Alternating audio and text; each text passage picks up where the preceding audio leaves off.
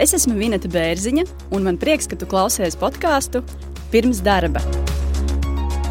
Mans podkāsts ir cilvēcīgas un saprotamas sarunas par darba meklēšanu un atrašanu.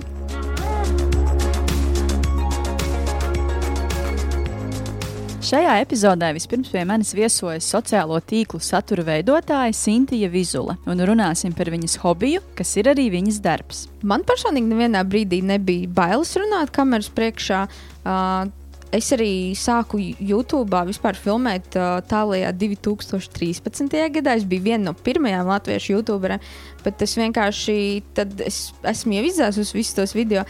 Tie bija tādi paši, paši pirmsākumi, kad vēl pat YouTube neviens baigi neskatījās. Es varu nosaukt trīs YouTuberi tajā laikā, bija ieskaitot mani. Šodienas otrā viesne ir Zana Karele, un saruna mūs aizvedīs sieviešu cietumā. Satamborējis un sādījis, un es teicu, cik tas ir brīnišķīgi un, un, un cik. Uh, cik filigrāns darbs. Un, un, uh, es teicu, vai jūs domājat arī šo pēc tam varbūt pārdot, nu, ka jūs iziet ārā. Viņi saka, Jā, un es jau, es jau plānoju ar savu nākotni, tāpēc ļoti labi, ka jūs mums par CV stāstīsiet. Un es saku, nu, forši, nu, es tad uzdrošinos pajautāt, nu, cik jums vēl ir. Un viņi man saka, deviņi. Un es teicu, deviņi mēneši, forši. Tiešām mēs strādāsim pie CV un viss. Un viņi saka, nē, nē, nu, deviņi gadi.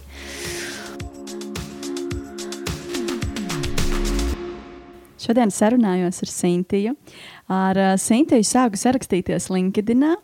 Un eh, tā nu šodien viņa ir atnākusi uz podkāstu.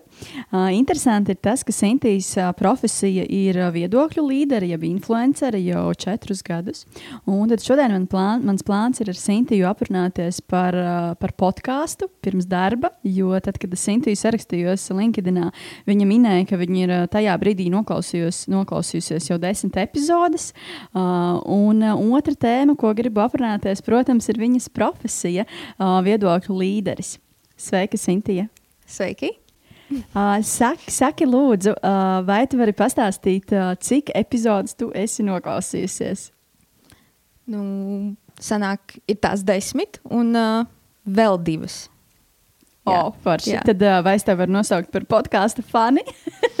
jā, man vienkārši ļoti bija aktuāls šis podkāsts. Uh, pats pie manis arī atnāca arī caur LinkedIn. Un, uh, Attiecīgi, turpināju klausīties, jo tiešām interesēja cilvēku stāsti. Uh, interesēja arī sasniegumi un tie saucamie arī faili. Jā, jā. Tas ir tas, kas arī palīdz sajusties, uh, ok, es arī esmu cilvēks, viņiem arī tā sanāk, man arī tā sanāk, ok, viss ir kārtībā. Tad uh, sākumā pamanīju uh, LinkedIn podkāstu. Un kur tu klausies vispār podkāstus? Latviešu kaut kā vairāk ir tieši Spotify, attiecīgi, tad arī tur klausos. Un, un, un protams, tie podkāsti vislabāk ir tieši nedēļas sākumā, tā lai tā kā motivētu. Jā. Un, un it īpaši par darbu, un tad ir tāds, jā, tūlīt tā strādāšu. Kas varbūt ir aizķēries no podkāstu dzirdētā? Uh, tagad precīzi nevarēšu atcerēties, bet nu, jā, tiešām tas, ka eh, cilvēki nebaidās dalīties ar kaut kādām kļūmēm un, un, un ka tas viss ir pilnīgi ok. Nu jā, es arī uzskatu, ka tas, tas ir ok, jo mēs visi esam cilvēki, mēs, mēs arī kļūdāmies. Un, manuprāt, varbūt rada tā tādu nepareizu iespēju, jo nezinu, podkāstos un citos varbūt mēdījos runā tikai par pozitīvām lietām. Ko tu domā? Vai dzīve sastāv tikai no veiksmes stāstiem? Nē, noteikti nē. Un, un, un, un es jau arī savā darba pieredzē arī esmu diezgan feilojusi. Un, tāpēc uh, man ir nepieciešams šis papildu apstiprinājums. Varbūt varat tad, uh, iepazīstināt ar sevi. Uh, es tevi pieteicu kā viedokļu līderi. Kā, kā tu domā, vai tas ir pareizs apzīmējums tavai profesijai? Mm, es sevi saucu vairāk par satura veidotāju. Mm -hmm. uh, to es esmu darījusi arī savā darba pieredzē. Tas ir, uh, ir klienti, tu veido saturu. Uh, sociālajiem tīkliem, uh, savos personīgajos kontos, protams, tas ir video saturs, foto. Uh, Uh, protams, izpaužās vēl arī dažādi tur stāstījumi un uh, copywritings. Tas viss iekļaujās uh, to, ko parasti aģentūras dara klientiem. Es to pat arī daru savos kontos, un vienkārši tas izpaužās mazliet savādāk. Man arī tāda ir uh, konkrētāka niša. Es vairāk runāju tieši par uh, skaistumu kopšanu, un tad, attiecīgi, pie maniem vienmēr nokļūst uh, dažādi jaunākie produkti, un tad es esmu tas um, tas kā testētājs un to nododu saviem uh, sekotājiem, kas tad ir labs, kas ir slikts. Un, uh, es arī nebaidos no uh, patiesa viedokļa. Man nav tā, ka uh, es gribētu ka tikai izpatikt uh, zīmolam un, un, un tikai teikt to labo. Es uh, vienmēr godīgi dalos, un to esmu darījis jau no pašas pirmās dienas. Tādēļ varbūt man arī ir kaut kāds uh, sekotāju pulks izveidojies par to, ka es esmu tik godīga. Un, protams, gadu laikā jau arī tas saturs arī paliek tāds nedaudz patīkamāks acīm. Ja sākumā varbūt fotografēju ar telefonu, tad tagad jau izmantoju fotokameru un tad vēl arī sāku video filmēt. Tas ir jau tas, kas aiziet nākamajā līmenī, un cilvēkiem tas patīk. Saki, lūdzu, cik tev ir sekotāji Instagram? Uh, patreiz nepilni 4000. Tas, ja mēs skatāmies tādā lielākajā kopskatā ar uh, citiem Latvijas influenceriem, tā kā nu, nav tik ļoti liela skaidļa, bet uh, es esmu priecīga par to, ka vismaz tie ir lojāli sekotāji. Nu, kā, viņi arī ir vairāk tieši no Latvijas koncentrēti, lai arī es rakstu angliski, jo man arī ir sekotāji no Baltijas. Man ir pazīstami arī no Lietuvas cilvēki, no Igaunijas, bet, uh, protams, uh, man vienkārši ir ērtāk rakstīt angļu valodā, bet uh, komunicēju, pieņemsim, Instagram storijos es uh, gan latviešu, gan angliski, un uh, YouTube video es taisu latviešu. Uh, Sintīna četri gadi Instagram, uh, satura veidošanā un, un YouTube. Kā tu vispār nonāci līdz šim? Tajā laikā es strādāju digitālajā aģentūrā, kā grafiskā dizainere. Un, uh, man vienmēr ir patikusi fotografēšana. Es arī uh, pusauģi gados esmu gājis fotokursos. Man, uh, es uh, ļoti agri arī paprasīju vecākiem, lai man uzdāvina fotokameru. Man patīk gan filmēt, fotografēt, pat arī apgūt Photoshop. Nu, man ļoti viss šis radošais saistīja. Un tas arī bija tas laiks, kad uh, Latvijā sāka parādīties pirmie influenceri. Vēl tad bija aktuāli arī blogi. Tas, tas bija ļoti dīvaini, kad uh, bija blogi. Man bija tā, ka es nemāku īsti baigi rakstīt garos tekstus, un tad es izdomāju to, ka es varētu vienkārši Instagramā īsi aprakstīt savus mīļākos produktus. Un, un, un, Uh, tad jau es arī pati pirku šos produktus. Es joprojām arī šo kaut ko pērku. Nav tā, ka man tikai to, ko sūta, tikai to es atrādu. Bet uh, man vienkārši gribējās dalīties ar kaut kādiem saviem mīļākajiem produktiem.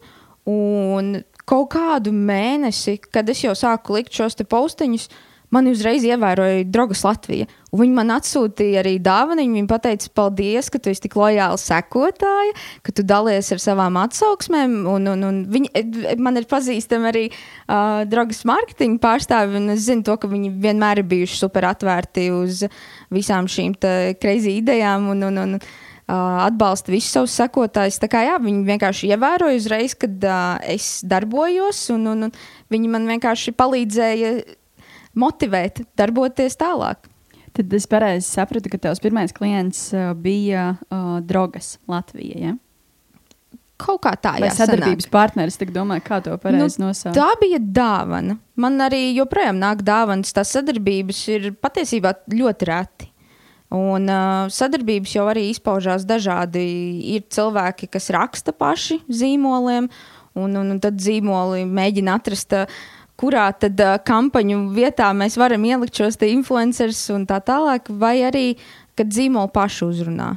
Tā kā Tad jau, tad jau ir konkrēti atlasīti influenceri. To es arī esmu savā iepriekšējā darba pieredzē darījusi pati, kad es, ņemot vērā to, ka man ir šīs padziļinātās zināšanas influenceros, tad es jau zināju, kā var pareizāk atlasīt šos influencerus konkrētām kampaņām, gan tur mikro, makro un, un, un nano influencerus.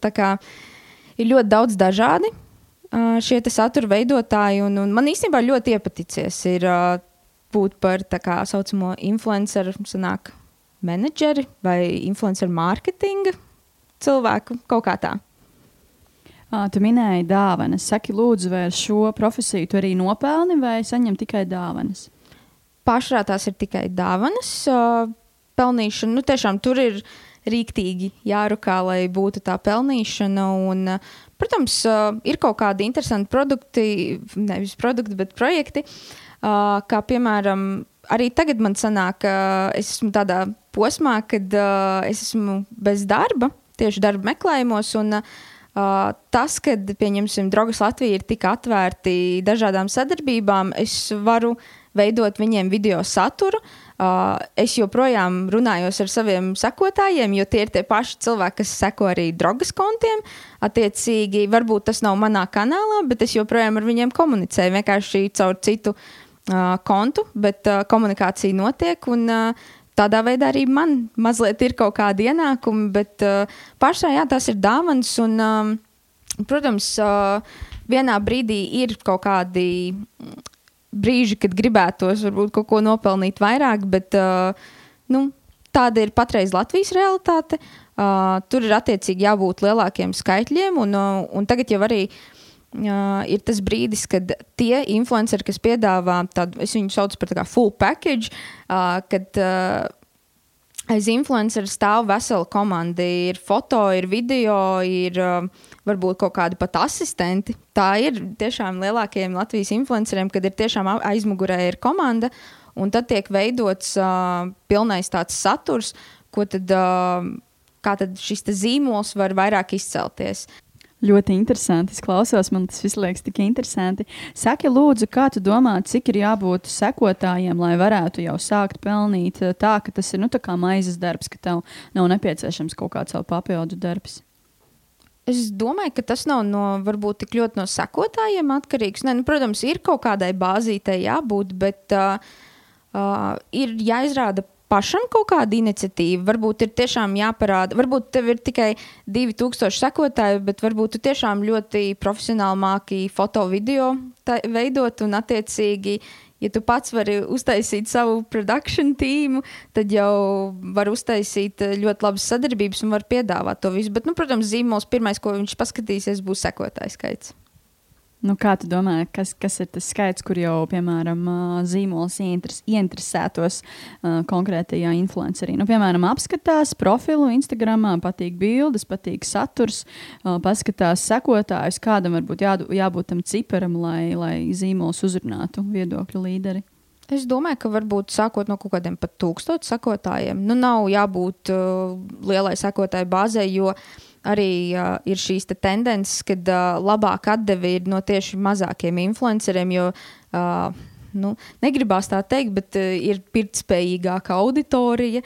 Uh, ka tie ir tie cilvēki, kas vairāk noticēs šim satura veidotājam, attiecīgi tad arī būs vairāk pirkumu. Un, un, un, protams, zīmoliem vairāk interesē pirkumu. Būsim reāli, tā, tā ir. Kā tu domā, vai, vai tā vispār ir profesija, vai to var saukt par profesiju? Tā ir profesija, bet tas, eh, nu, influenceris ir vairāk kā status. Jo influenceris tomēr ietekmē sabiedrību kaut kādā veidā. Attiecīgi, mēs arī tagad varam novērot to, ka influenceri tiek piesaistīti kaut kādiem TV projektiem, viņi kļūst par raidījumu vadītājiem. Tā kā viņi jau kļūst par slavenībām. Profesija noteikti tā var būt, bet tur ir ļoti daudz jāiegulda uh, uh, nauda, laiks, darbs. Nu, tur ir jābūt komandai apakšā.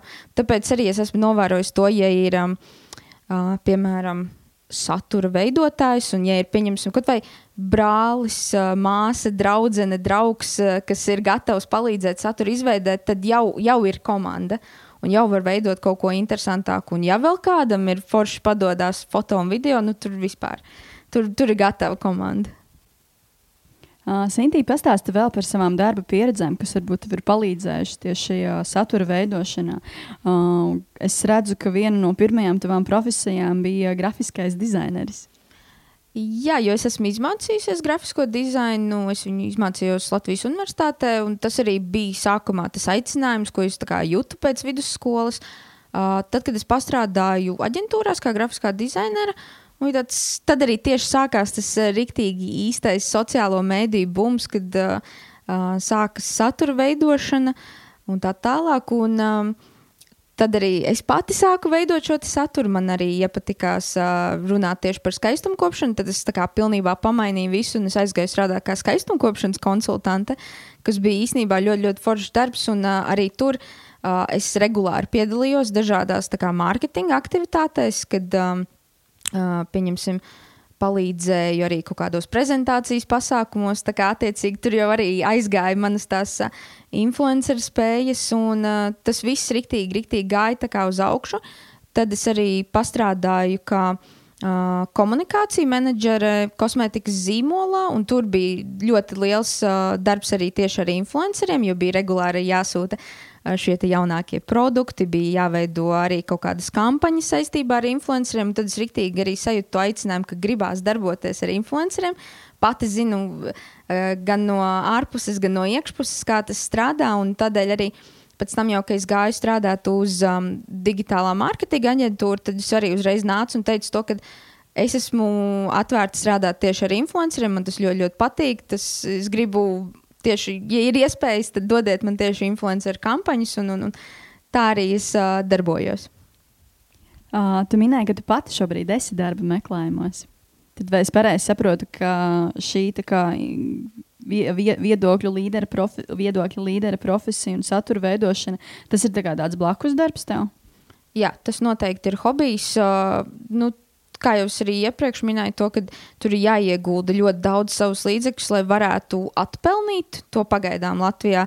Nezinu, kas būs pēc pieciem gadiem, bet nu, pagaidām tas ir. Uh, hobijs, bet, uh, ja gribās attīstīt to ļoti augstā līmenī, tad vajag nu, ieguldīt ļoti, ļoti daudz laika. Tur, tur ir tiešām tad, uh, jāpievēršās tam kā savam ikdienas darbam. Sintīna, kas ir tas, ko tu šobrīd uh, meklē da, da, dar, darba frontē? Uh, Līdzīgi tas, ko es esmu jau iepriekš darbojusies, uh, sociālo mediju menedžeris, uh, komunikācija menedžeris, nu, tieši saistībā vairāk ar sociālajiem tīkliem un, protams, uh, Uh, attiecīgi piedāvāšos arī nākamajam darba devējam, kad man ļoti labi padodas uh, darbs ar influenceriem. Man patīk to darīt, un, un, un man arī ir kaut kādas personīgas pazīšanās, kas arī iedod uh, kaut kādu priekšroku uh, man no varbūt kaut kādiem citiem kandidātiem, kas piesakās uz to pašu uh, pozīciju saistībā ar sociālajiem mēdījiem. Kāda šobrīd ir situācija darba tirgu, ja runājam par, par tavu profesiju, vai tur vispār ir vakances, kur kandidēt? Šeit parādās kaut kādas vakances, bet, nu, protams, daudz ko ietekmēja mūsu šīs gads, ka viena brīdi vispār nebija pieejami nekādi um, darba sludinājumi pat arī caur kaut kādiem kontaktiem meklējoties uh, citās aģentūrās. Nu, bija, bija pagrūti, bet nu, tagad jau sāk kaut kas parādīties, un, un, un vienkārši nevar jau zināt, cik liela konkursa ir. Vai tev ir bijusi negatīva pieredze, kad varbūt darba intervijās darba devējs pasaka, ka nu, kā, kā tu tā tagad sēdēsi Instagramā visu dienu un nestrādāsi? Vai tev ir bijusi tāda pieredze? Uh, Nē, vismaz man neviens tā nav teicis.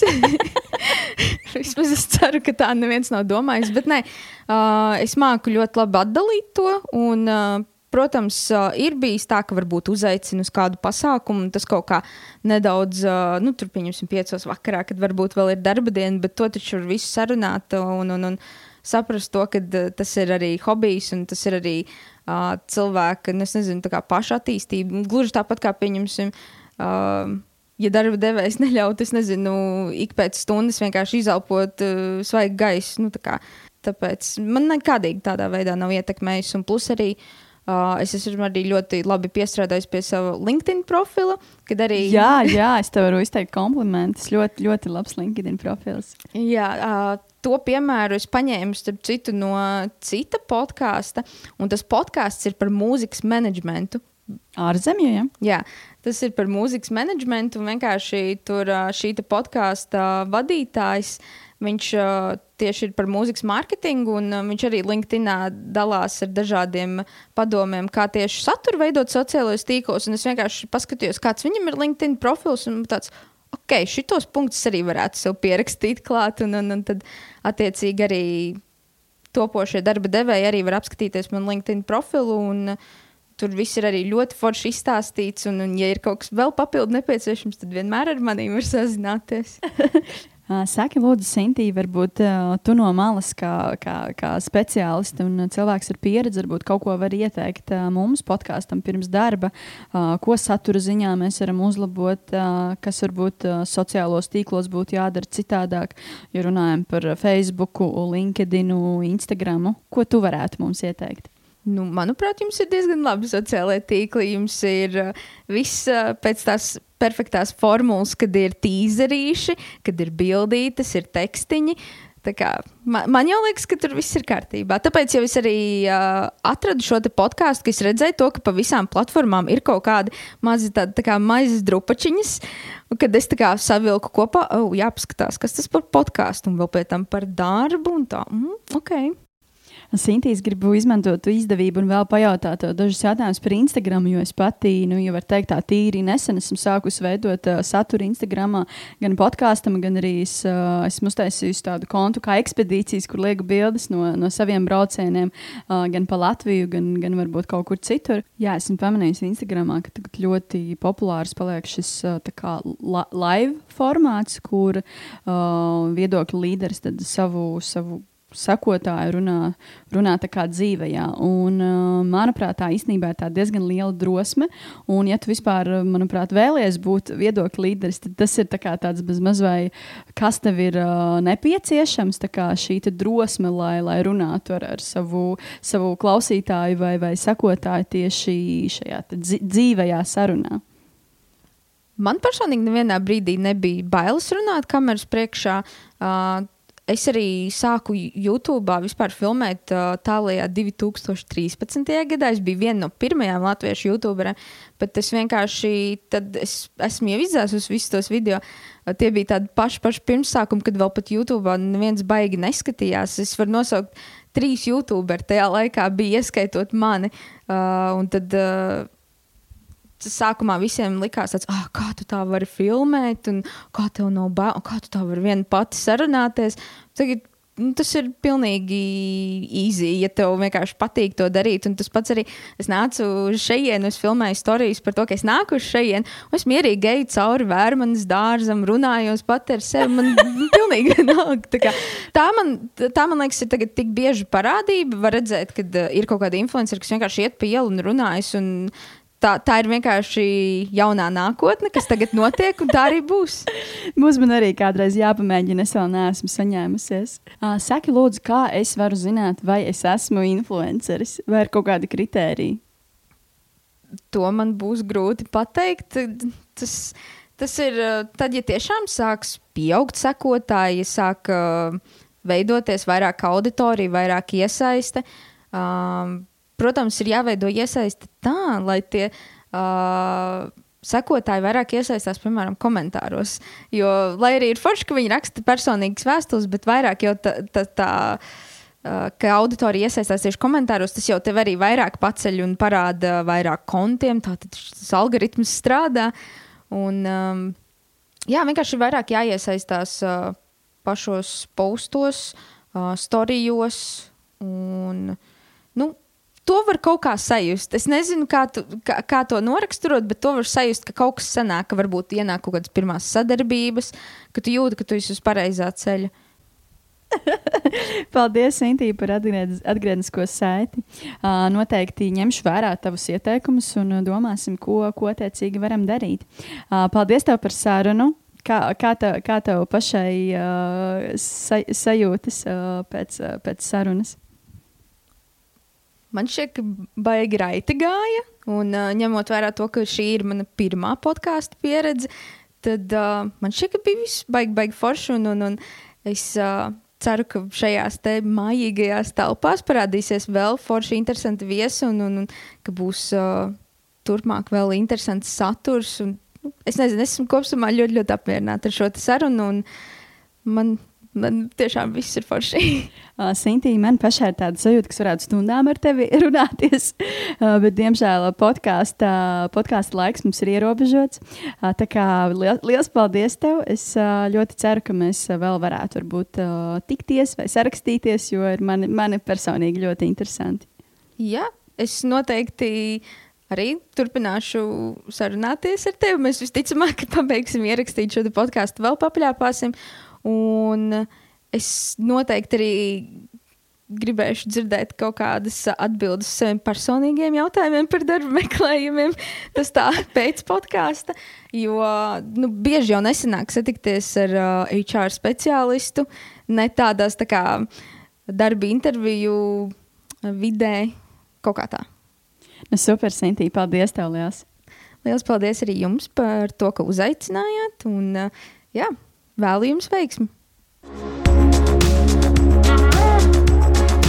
Šī podkāstu epizode ir pusē, uzpildām kafijas krūzi un turpinām sarunas. Pie manis ir interesanta viesne Zane. Ar Zani mēs šodien runāsim par viņas pieredzi, kas īstenībā ir diezgan netipiska. Man ir tāda sajūta, ka es dzīvoju laikam tādā burbulī un varbūt neredzu, kādas uh, lietas notiek apkārt. Šodien mēs ar Zāni runāsim par to, kas varbūt notiek ārpus mūsu ierastā burbuļa. Uh, sveika, Zana! Sveika! Prieks būt šeit! Es ceru, ka es nesāku pārāk depresīvi, jo it kā rudens ir sācies, un, un, un par šodien diezgan nopietnām tēmām runāsim. Bet nu, es ceru, ka mēs mēģināsim pozitīvā gaisotnē. Jā, noteikti. noteikti.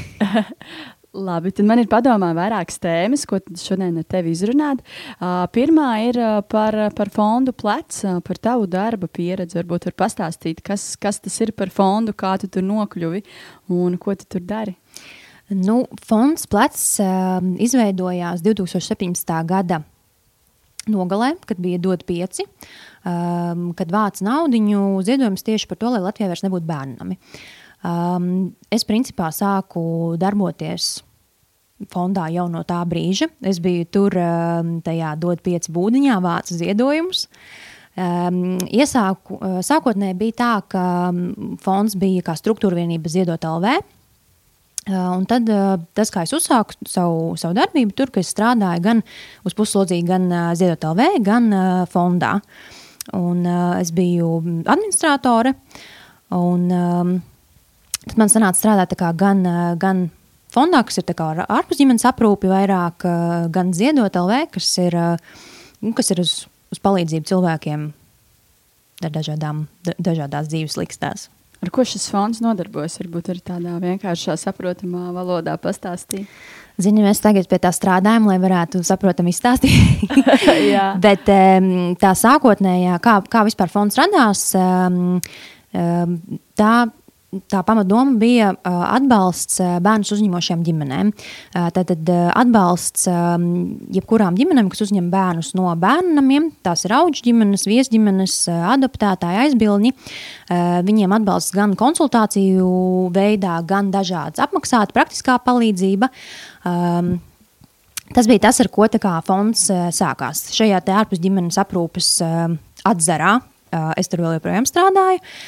Tagad ir fondā arī, piemēram, vecāku izglītības programma, kas vairāk, ja tā var teikt, cīnās ar, ar cēloņiem, nevis ar sekām, māca vecākiem būt par labiem saprotošiem vecākiem.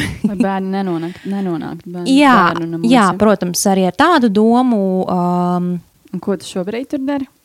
Esmu projektu vadītāja. Mani, mani galvenie pienākumi ir meklēt bērnam, bērniem ģimenes. Tad mums ir. Mūsu redzeslokā ir dažādu statusu ģimenes, gan auga ģimenes, gan adaptētāji, arī viesģimenes aizbildņi, kuri mums ir snieguši informāciju par to, kādas ir viņu kāda ir viņu kapacitāte uzņemt bērniņu. Ja, person, piemēram, no cik līdz cik gadiem, kādu dzimumu, vai varbūt vairākus vienas ģimenes bērnus.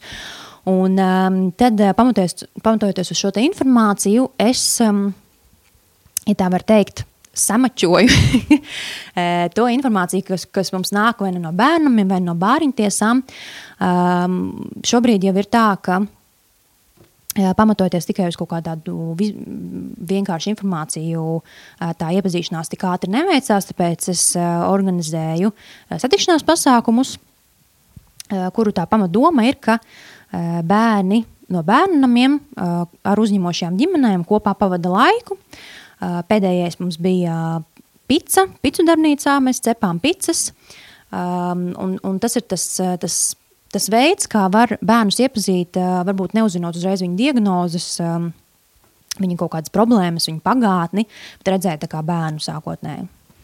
Tu minēji, ka tas tā kā tāda savedēja savā ziņā, bet kā ir, vai šis atlases process, tu minēji, ka jātiecīgi meklēt vecākus bērniem un tā tālāk, vai šo atlases procesu var pielīdzināt tā kā personāla atlasē, kur pēc noteiktiem kritērijiem mēs meklējam kandidātus? Kā tu domā? Principā ir tā, ka labi vien ir, ka man tā atlase nav uz mani, jo to dara, to dara iepriekš to darīja bērnu tiesa, šobrīd to dara ārpusģimenes aprūpas atbalsta centri, kur ir konkrēti kā, noteikti darbības, kas ir jā, jā, jāveic, lai varētu kļūt par uzņemošo ģimeni. Pie manis jau tās ģimenes nonāk jau, kad viņas ir ieguvušas to statusu. Bet, lai iegūtu konkrētu statusu, kas ir audžģimene, aizbildnis, viesģimene, adoptētājs, um, ir, ir process, kam ir jāiziet cauri. Uh, tur ir uh, gan konsultācijas pie psihologa, uh, Eh, gan ir eh, jāiesniedz eh, narkologa izziņa, ja nemaldos. Um, par, par, par tām teikt, birokrātiskām lietām tik precīzi nevarēšu pateikt, bet jā, ir tieši, tieši tās psihologa izvērtējums pēc tam. Tas tieši šobrīd, piemēram, tieši uz adoptētajiem attiecas, jo nu, adopcija tas ir tā ģimene uz mūžu. Tā, tāpēc psihologs ļoti izvērtē, kāda vecuma bērniņu kāda dzimuma arī, uh, cik daudz bērniņus uh, šī ģimene varēs uzņemt. Cik dīvaini to nosaka Jā. psihologs. Nu, principā, varētu teikt, ka to nosaka ģimene, bet psihologs izvērtē, Jā. vai, viņi, mm -hmm. vai, vai viņiem ir tā kapacitāte um, uzņemt, uzņemt uh, tāda vecuma vai tāda skaita bērnus. Protams, ka skatās arī pēc tādiem nu, praktiskiem kritērijiem, piemēram, vai istabas mājās pietiek, ja? vai, vai katram bērnam būs, būs savs stūrītis, vai būs sava gulta, savs, savs galds. Um, tā kā es domāju, ka daļai to varētu, varētu pielīdzināt. Jā, atlasēji, nu, šajā gadījumā tā atlase ir tāda, ka um, noraidīti tiek ļoti mazi cilvēki. Norai, lai noraidītu, nu, tad tiešām ir jābūt kaut kādai ļoti lielai neatbilstībai vai kaut kādai iepriekšējai sodāmībai. Um, tā kā drīzāk tas ir jautājums varbūt ne par tik daudz par atbilstību, kā par tādu, nu, par kaut kādiem, kurā, kurā kastītē tu pēc tam iekritīsi. Um, Ceļš tas ir par adaptētiem. Protams, ka auga ģimenes uh, psihologi izvērtē, um, pēc tam auga ģimenes var uzņemt vienalga kādu, kādu vecumu bērniņu. Uh, Um, arī kamēr šajā visā lietā es šo visu apgūvu, vismaz kāds gads pagāja, man vajadzēja jurisprudence pabeigt. Uh, bet, uh, bet es domāju, ka to noteikti var pielīdzināt jā, kaut kādai daļai tādai izvērtēšanai. To arī sauc tā psihologa izvērtējums. Bet es pareizi saprotu, ka tas ir algots darbs, attiecīgi, ka tu par to saņem naudu, ka tas nav tā, ka tu to darīji aiz brīvas gribas un neko nesaņem. Jā, protams, tas man šobrīd ir pamatdarbs. Īsnībā tas arī ir man tāds 9 līdz 6 darbs. Bet, nu jā, protams, tas tā ikdiena atšķiras pavisam, pavisam noteikti no, no kāda cita biroja darba. Mēs arī sēžam šobrīd um, coworking space. Uh, kur, nav atdal, nu, kur mums uh, nav īsta siena, mēs esam atdalīti ar, ar skapiem no citiem. Protams, ir kaut kādas telpas, kur ir konfidenciāla informācija, var pārnāt un tā, bet um, tad ļoti kontrastē tas, kā, par ko mēs runājam. Un, un par ko mēs satraucamies, un mums apkārt ir reklāmas aģentūra, Jā. un par ko viņi satraucas. Tad mēs bieži vien uh, bieži vien viņi varbūt atnāk pie mums, pasēdēt, paklausās par mūsu problēmām, mēs pie viņiem, un tad kaut kā tas tā atsvaidzina labi. Tu ne tikai strādā plecā, bet arī tev šobrīd ir savs zīmols, gluten free. Varbūt var pastāstīt par šo, kā radās ideja. Jā, nu, um, es studēju biznesa psiholoģiju, un tad es iestājos biznesa inkubatorā, jo man bija tā ideja par, uh, par kafejnīcu cilvēkiem, kuriem ir dažādas pārtikas alerģijas. Uh, jo man pašai patiesi nedrīkst ēst glutēnu, man mamma arī nedrīkst, un um, tā kā ģimenē tas jau ir tā iegājies. Eh, bet eh, ko es novēroju gan dziedu telvē, gan strādāju gan jau iepriekš, eh, kā aizvien dzimst aizvien vairāk bērniņu, kuriem ir dažādas pārtiks nepanesamības. Protams, daudzas ir pārējošas. Uh, nu, lūk, tā bija mana ideja, kuru es, kuru es gribēju attīstīt. Nu, tā sākotnēji ideja vispār, kādu es tur startēju, uh, bija, ka es gribu tev grāmatu kafejnīcu. Uh, kur ir grāmata, pilns ar grāmatām. Viņas, ir, viņas var šķirstīt, tās ir mazlietotas grāmatas, ja tāpēc nav jāuztraucās, ka tur kaut kas nopilna. Un, eh, bet, bet konditorē visa ir bez glutēna, bez, bez piena produktiem, bez olām. Nu, tātad arī vegāniem. Nu, lūk, un um, iestājos inkubatorā, sāku, sāku ar visas uh, finanses apskatīt, un visu, un sapratu, ka kafejnīcē tomēr liela ieguldījuma, sevišķi, ja es tur biju izfantazējis vecrīgā vai kaut kur Rīgas centrā. Un uh, sāku domāt, ko es varu darīt tagad.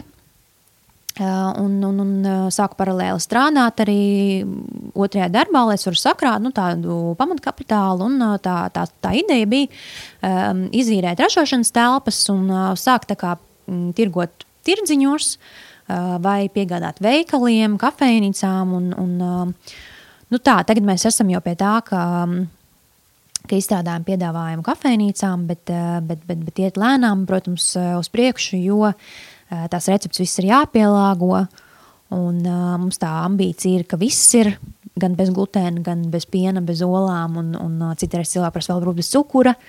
Un tad, tad nu, lai izmēģinātu tās receptes, lai viņas lai sanāktu, lai, lai, lai varētu izdotos kaut kas tāds, ko tiešām var cilvēkiem pārdot, tad, tad mēs tur čubinamies uz priekšu lēnām. Es tā skatos, tas ļoti aktīvi, un vēl jau vairāk tas, ka tu trīs gadus jau strādā, ne, nezinu, kā pareizi teikt, strādā. Laikam jāstrādā Ilģu ciemā cietumā ar sievietēm, kuras plāno atgriezties darba tirgu un attiecīgi viņas konsultē par CV, par motivācijas mm -hmm. vēstulēm, par to, kā uzvesties darba intervijās, par šo te, uh, etiķeti un tā tālāk. Pastāsti par, par šo, jo man tas ļoti interesē. Es um, savā dzīvē neesmu saskārusies ar šādām tēmām. Protams, ikdienā, ikdienas skrējienā tu pat varbūt neapzinājies, ka ir tādi cilvēki, kuri vispār ir mums apkārt un kuriem uh, arī ir jāiekļaujas darba tirgu uh, pēc, uh, pēc šādiem dzīves posmiem. Kā, kā tu tur uh, nokļuvi un ko tu tur dari šobrīd? Kā es uh, nokļuvu cietumā. uh, nu, bija tā, tad, kad es strādāju Ziedot LV, mm, tur um, ir, ir daudz arī tādu kā biedrību projekti. Uh, tātad uh, ziedojumi tiek vākti ne tikai privātpersonām, bet uh, arī biedrībām, kas, kas strādā pie kaut kādiem mērķiem. Un, uh, es biju ļoti pārsteigta, ka Ilģu ciema cietumā um, notiek vis, dažādas nodarbības. Ka vispār cietumā notiek nodarbības. Es pirms tam uh, man kaut kā tā tēma visa fascinēja. Es biju skatījies visādas dokumentālās filmas, gan, gan par cietumiem Amerikā, tur Norvēģijā, un, un par Latviju es īsti tādu neko nezināju. Un um, biedrības vadītāja, uh, kas, kas ir arī brīvprātīgā kapelāne, tur um, viņa atnesa kā pateicību uz ziedot biroju, um, dažādas mākslas darbiņus un, un, un uh, dekupāžu tehnikā, visu kaut ko uh, sagatavotu, ko meitenes bija taisījušas. Tas man bija tāds patīkams pārsteigums, ka, nu, ka, ka tur notiek visādas, visādas lietas, un cik es sapratu, uh, arī, arī um, deju nodarbības, un nu, ka tur ir aktīva dzīve īstenībā iekšā. Un, uh, jā, tas bija laiks, vēl, kad es studēju biznesa psiholoģiju arī, un uh, mums daudzas lietas, ko mums mācīja, mācīja jau ar, ar, ar tādu mērķi, ka nu, šo jūs varēsiet, par šo jūs varēsiet vadīt seminārus vai kaut kādas apmācības. Un tas bija tas, ko es domāju, kādreiz arī darīt, bet es vienmēr domāju, nu, par ko es vadīšu tās apmācības. Un, Un, un, jā, es satiku tieši pavisam nejauši satiku to biedrības vadītāju, un, un Es nezinu, kā es viņai paprasīju, nu, kā, kad ieminējos, ka es varētu arī varbūt, kaut ko nu, pasniegt. Eh, ka es tieši studēju par to, un, un nesen arī, arī skolas ietvaros taisīju par, par to, kā uzvesties darba intervijā, un ko mums vajadzēja vienam otram kaut ko mācīt. Un viņi bija ļoti atsaucīgi, lai gan es, eh, es biju principā bez nekādas pieredzes. Ehm, un, un manī ielaida tur pamēģināt 18. gada vasarā. Un, um, toreiz vēl bija, man nebija vēl skaidra ne tā programma, ko es, ko es tieši pasniegšu. Un, ne, ne vispār viņu meitiņu vajadzības. Es atceros, ka toreiz mums bija, es arī ar tādu mākslas prizmu tā centos pieiet, mēs tur taisījām kolāžas un, un, un nu jā, tā bija man tāda pirmā pieredze, bet um, tagad mēs esam Mēs esam četri pavisam lektori. Es stāstu par saskarsmes psiholoģiju, tieši, tieši darba vidas kontekstā, par, par komunikāciju, par verbālo un neverbālo komunikāciju, par CV gatavošanu. Mēs gatavojam CV, tikko arī sestdien gatavojām.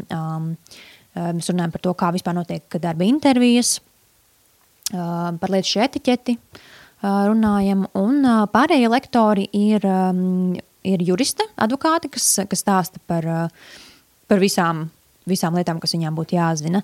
Tad ir stiliste un ir mums, es viņu sauktu par iedvesmas kočs, likumības kočs. Viņš ir tāds par motivācijas stāstu un, un par, par, par dzīves izmaiņu, par, par savu dzīves izmainīšanu. Tā mēs tur tā visi veiksmīgi esam sakļaujušies vienā, vienā kursā.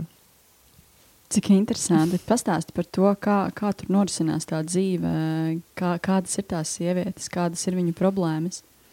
Nu, es, kad tikko, tikko sāku strādāt, man, man bija tas pateikts, ka es pārāk privātas sarunas neveicu ar, ar meitenēm. Pirmkārt, tas, ka um, tur ir tur tomēr ir cita pasaule, un ja es kādai veltu vairāk laiku nekā, nekā otrai, tad varbūt vai nu kaut kāda greizsirdība vai kaut kas, jo nu, tomēr tur ir ierobežots skaits cilvēku, ar kuriem var komunicēt. Uh, un otrais bija tas, ka um, nu jā, ka tajā gadījumā, ja es veidotu kādu kaut kādu tuvāku kontaktu, ka ir iespēja, ka mani manipulēs, un es jau nu, pat dzīves esmu diezgan naiva, liks varbūt kaut ko nodot vai kā. Nu, lūk, tā kā es tā baigi, baigi neprasīju, es tā formāli drīzāk tam piegāju. Protams, ka mēs, kad runājam arī un taisam CV, un vienmēr jau kādu ņem par piemēru, un, un arī šo te divu, trīs gadu laikā ir, ir izkristalizējies viss kaut kas. Uh, nu, tas, ko es varu pateikt, um, cietumā ir ļoti dažādas sievietes.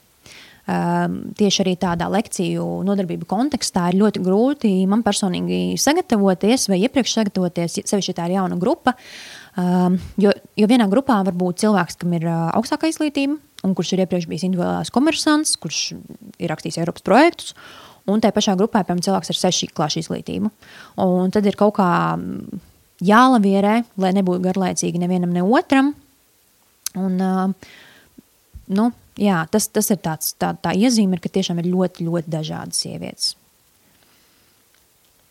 Man tāpat grūti iedomāties, tad jā, tur paiet kaut kādi, nezinu, divi, trīs gadi, piemēram, cietumā, un attiecīgi tam cilvēkam ir jāsagatavojas, lai ieietu darba tirgū. Jā, tu saki, divi, trīs gadi.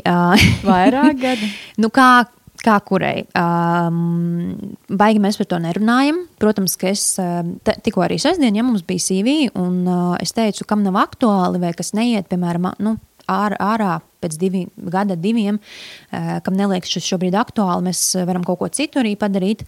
Uh, bet um, jā, par tiem diviem, trim gadiem es atcerējos, ka es kaut kādā pirmajā gadā tieši, tieši man rādīja viena no meitenēm, ko viņa ir tur satamborējis un sādījis. Un es teicu, cik tas ir brīnišķīgi un, un, un cik, cik filigrāns darbs. Un, un es teicu, vai jūs domājat arī šo pēc tam varbūt pārdot, nu, ka jūs iziet ārā. Un viņi saka, jā, un es jau, es jau plānoju ar savu nākotni, tāpēc ļoti labi, ka jūs mums par CV stāstīsiet. Un es saku, nu, forši, nu, es tad uzdrošinos pajautāt, nu, cik jums vēl ir. Un viņi man saka, deviņi. Un es teicu, deviņi mēneši forši. Tiešām mēs strādāsim pie CV un viss. Un viņi saka, nē, nē, nu, deviņi gadi. Uh, Un tad es, nu jā, saprotu, tad, tad, tad ar to ir jārēķinās. Kad, kad man arī grupā, m, ideālajā gadījumā tās būtu visas meitenes, kuras tulīties ārā, bet um, pieteikties var jebkura. Jebkura tā, jā. jā.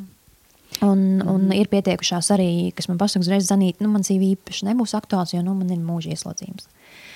Tā kā, Bet nu, viņas tāpat iet, vai ne? Viņas iet, jā, un es, es priecājos arī, jo Tāpat tā ir kaut kāda socializēšanās, un, un es nezinu, vai es tā, tā drīkstu teikt, bet arī tās, kas tur nu, kas, kas ir visilg, nu, pa ilgākiem gadiem, ir, ir kaut kāda korelācija ar to, ka viņas, viņām ir, nu, kā lai pasaka, viņām ir augstāks varbūt intelekts, viņas vairāk piedalās, vairāk uzdot jautājumus, viņas ir kā pienesums pārējiem. Tā kā es tikai par nāciet stāstīt par savu pieredzi, par savu darbu pieredzi. Man ļoti interesē viens jautājums. Es nezinu, vai tu varēsi uz to atbildēt. Man interesē tieši tā, tā ieiešana darba tirgu.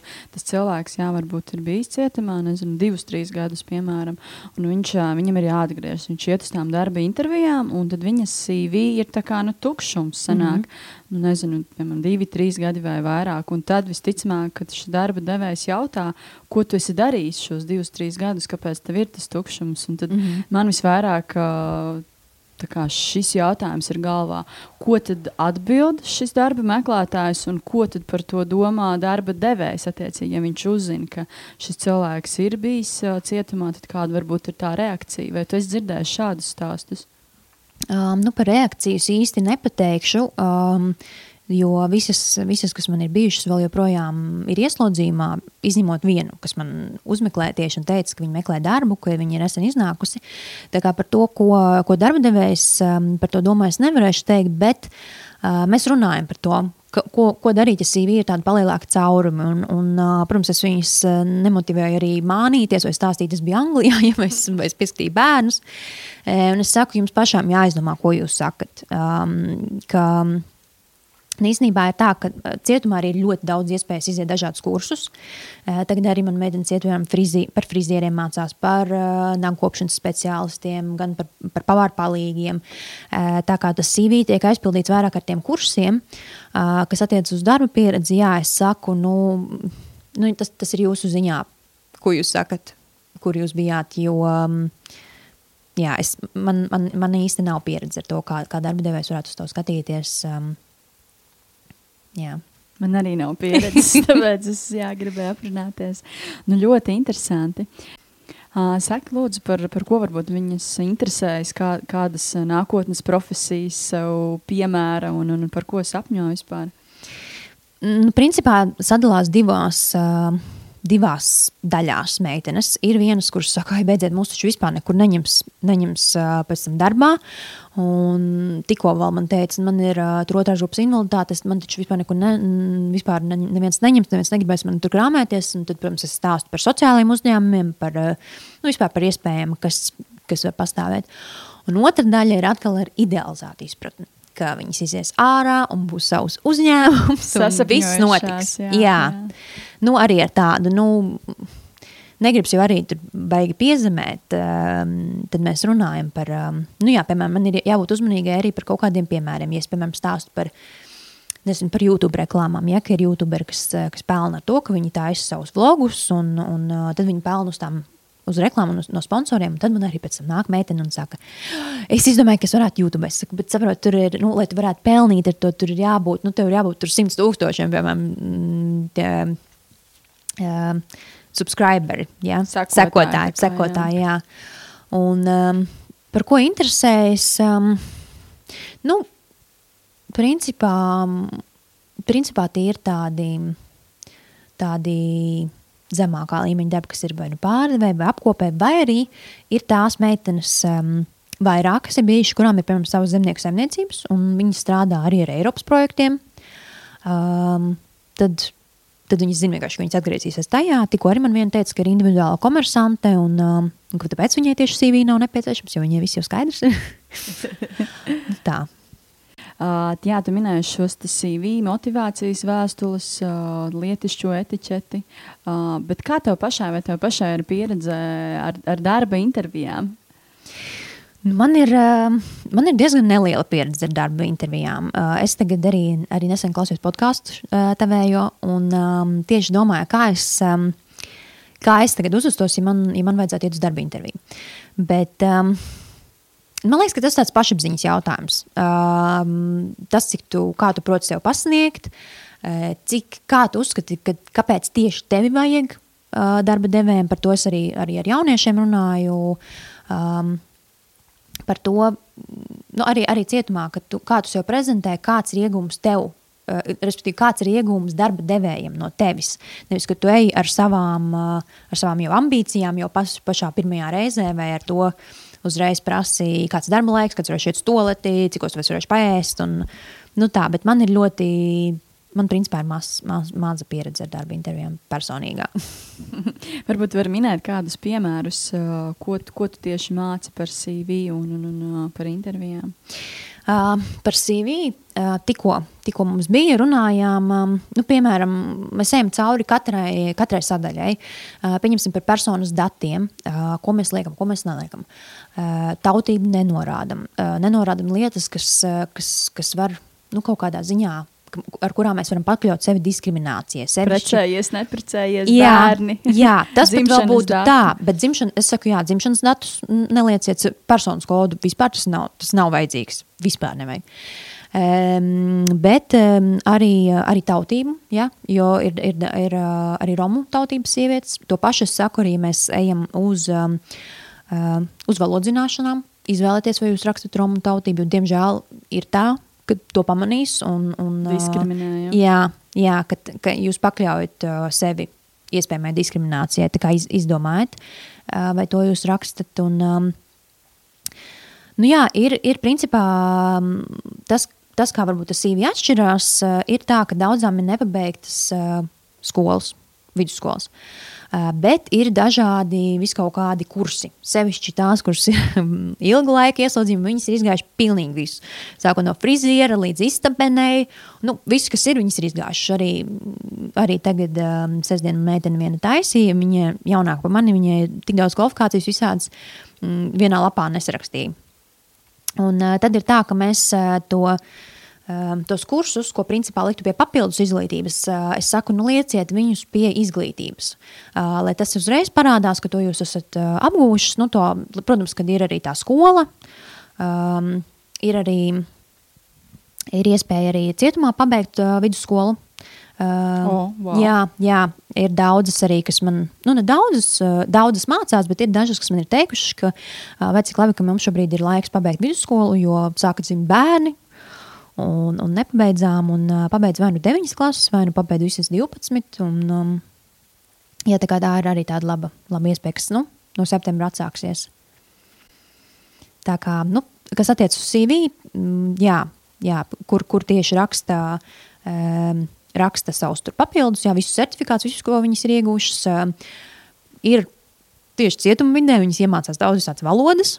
To, to mēs rakstām arī. Jā, um, principā visi runā krieviski, izņemot mani. uh, par darba intervijām. Um, Mēs skatāmies drīzāk visādus video par to, kā radīja, kā ir pirmais iespējas, ka, ka eh, personāla speciālists tevi vērtē uzreiz jau pēc tā, kā tu izturies stresa situācijās, eh, kā tu sevi pasniedz. Um, Visvairāk, jā, mēs tieši nesen skatījāmies par eh, ķermeņa valodas kontekstā. Uh, par, par tiem neveidīgiem žestiem, par kaut kādu krimināšanos, par, uh, par to, kā sevi pārliecinoši pasniegt, uh, par pirmo iespaidu. Nu, um, drīzāk par tādām lietām, jā. Vai par šo tu arī kaut ko nopelni, vai tas ir pilnīgi absolūti tavs brīv, brīvprātīgais darbs? Um, es sāku brīvprātīgi. Um, Šobrīd es ar to nopelnu arī. Uh, tas ir caur biedrību strādājis. Es neesmu kā cietuma darbinieks, bet strādāju caur biedrību, uh, caur, caur projektiem. Uh, tā kā, jā, bet, godīgi sakot, tas ir, šos kā jūtu kā savu aicinājumu, un, un, un, un es visticamāk, ka es arī darītu to bez maksas. Ceru, ka to neviens nezina no manis. Darba devēja. Kā, ir, kā ir ar izdegšanu? Jo esmu dzirdējusi un arī zinu vienu cilvēku, kurš ir strādājis jā, cietumā līdzīgi kā tu, attiecīgi atbalstot šos cilvēkus. Uh, pagāja pāris mēneši tādā intensīvā darbā, un cilvēks pilnīgi izdedzis. Viņš vairāk nevar tur uztu, uzturēties. Tu tur esi jau trīs gadus, kādu tiec ar to, ar kaut kādām savām emocijām. Uh, nu, pirmkārt, man nav tas darbs intensīvs. Uh, mums ir um, tie kursi, mums katram no, no lektoriem ir uh, sešas nodarbības, uh, sešas līdz septiņas katram no mums. Un, uh, un tas, tas uh, nodarbību cikls iet um, nu, apmēram divas reizes gadā. Tas nozīmē, ka man ir, ir mēneši, kuros man ir jābūt vienas līdz divas reizes mēnesī, tur pusotru stundu burtiski. Uh, ir mēneši, kuros vispār nav. Uh, līdz ar to es tur neesmu intensīvi. Uh, un, un, un, um, Jā, otrais, uh, otrais ir arī tas, ka um, es kaut kā mācos robežas novilkt. Uh, man ka izdega cilvēki, kuri ļoti grib iedzināties visos tajos stāstos, personīgajos. Un, un ja tu ej ar to, ka, ka tu gribi uzklausīt, un, un, tur vienmēr būs, būs, būs uh, nepieciešams dzirdīgas ausis, bet es kā, zinu savus limitus, un, uh, un uh, es zinu, zinu apmēram, cik es varu iesaistīties. Un kas ir tās lietas, kuras, kuras nevaru palīdzēt. Un, um, jā, tas, es domāju, ka tas ir tāds robežu jautājums drīzāk. Ko tu, ko tu ieteiktu darba devējiem, ko, ko viņiem ņemt vērā, uh, pieņemot darbā šādus cilvēkus? Nu, atkal jāskatās ļoti ir no, uh, no konkrētās meitenes. um, hmm. nu, ja par tādiem stereotipiem es teiktu, ka, ka varbūt jāpievērš vairāk uzmanību, kaut gan tā ne, es tā negribētu teikt. E, ka ir jāskatās caur lupu vai, vai kaut kā tā.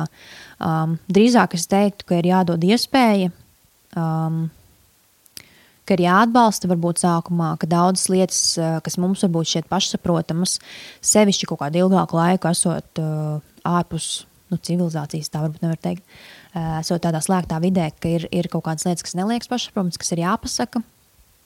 Mm. Jā, tas ļoti atkarīgs no, no konkrētā cilvēka. Kāda ir tev nākotnes plāna attiecībā uz šo darbu? Vai turpināt, vai vēl padziļinātāk šo darīt, vai citi plāni? Um, ir tā, man ir bijusi doma, varbūt ne padziļinātāk, bet varbūt kaut ko vairāk. Uh, varbūt vēl kaut kādas papildus lekcijas uh, vai kaut kādas papildus, um, papildus lietas organizēt. Bet um, ir tā lieta, ka, um, par ko es biju pārsteigta arī, ka meitenes īstenībā diezgan pārslogotas ar visādām aktivitātēm. Wow. Eh, tāpēc arī mēs tur ejam, tas tie, tie, tie cikli nodarbība ir nu, divreiz gadā, jo vienkārši ir, pirmkārt, ja viņām ir skola, tas vien jau aizņem ļoti daudz laika. Viņām ir mācības dažādas, dažādas nodarbības. Tie paši, ja viņas mācās arī par frizieriem vai par, par kaut, kādu, kaut kādā profesijā, tas arī aizņem laiku. Mm, viņām ir, ir kas strādā tur uz vietas. Tā kā Tā kā, tas bija tas, kas man atturēja. Pat neaturēja, bet nu, tas man šobrīd iepauzēja un skatīšos vēlāk, mm, kāds būs, eh, kā viss risināsies uz priekšu. Um, to, ko es parasti saku, ka man darbā cietumā nav nekādu ambīciju, uh, tādā ziņā, ka, mm, ja es ieeju, ja es dzirdu, ka vismaz viens cilvēks ir kaut ko man uzklausījis, vai, vai cilvēks vismaz ir atnācis. Man pietiek jau ar to, jo viņš atnācis ir un viņš klausās un netraucē citiem, protams. Tas, tas vien jau ir, es jau priecājos. Un, un tas, tā ir man vienīgā jā, tāda arī vieta, kur, kuras var samierināties ar šo mazumiņu. Ko, ko tu ieteiktu klausītājiem, kurš visu šo ir dzirdējis un varbūt kaut kādā veidā vēlas palīdzēt, no sevis kaut ko dot un sniegt? Kas viņam būtu jādara? Uh, es ieteiktu brīvprātīgā darba opcijas. Pati no sevis es tagad uh, nevarēšu precīzi pateikt, bet uh, ir uh, meklējot ir tieši par uh, ieslodzījumu vietu pārvaldes mājaslapā noteikti var redzēt. Tas, ko es noteikti zinu, ir probācijas dienestā. Uh, arī ir, var iet kā brīvprātīgais mierazlīgums vadīt. Ja interesē šī, šī sfēra, tad noteikti, noteikti var atrast var atrast internetā informāciju. Uh, man pašai tādas interesantas sajūtas pēc sarunas. Uh, teks, tā jā, izkāpt no savas ikdienas burbuļu, jo ikdienā par tādām lietām nelasu, nedzirdu, neinteresējos. Un, un, un kaut, kā, kaut kā nezinu, nezinu, ka tāda pasaule arī starp mums ir. Tāpēc man pašai, jā, ir ko, ir ko padomāt, aizdomāties. Paldies! Tev. Paldies! Mana podkāstu partneris šajā sezonā ir programmēšanas kursi Kodeleks. Tā ir iespēja cilvēkiem, kurus interesē apgūt ļoti pieprasīto un labi apmaksāto programmētāja profesiju. Kodeleks kursos var pieteikties pat bez programmēšanas priekšzināšanām, bet ir jābūt gatavam pilna laika intensīvai apmācībai vismaz trīs mēnešu garumā. Kodeleks kursu īpatnība ir tāda, ka kursu vadītāji palīdz savam studentam pēc apmācībām atrast darbu programmētāja profesijā. Kodeleks kursu atšķirība ir, ka studenti par apmācībām sāk maksāt tikai tad, kad ir atraduši programmētāju darbu ar algu, kas pārsniedz 1000 eiro uz rokas. Par kodeleks kursiem vairāk var uzzināt podkāstu sociālajos kontos un epizodes aprakstos. Jūs noklausījāties podkāstu pirms darba. Katru otrdienu es publicēšu jaunu epizodi. Lai nepalaistu to garām, sadraudzējies ar mani Apple un Google podkāstu platformās un Spotify. Seko podkāstu tapšanas stāstiem Facebook un Instagram. Raksti komentārus, iesaki sarunu tēmas, pastāsti savu darba meklēšanas stāstu. Uz sadzirdēšanos!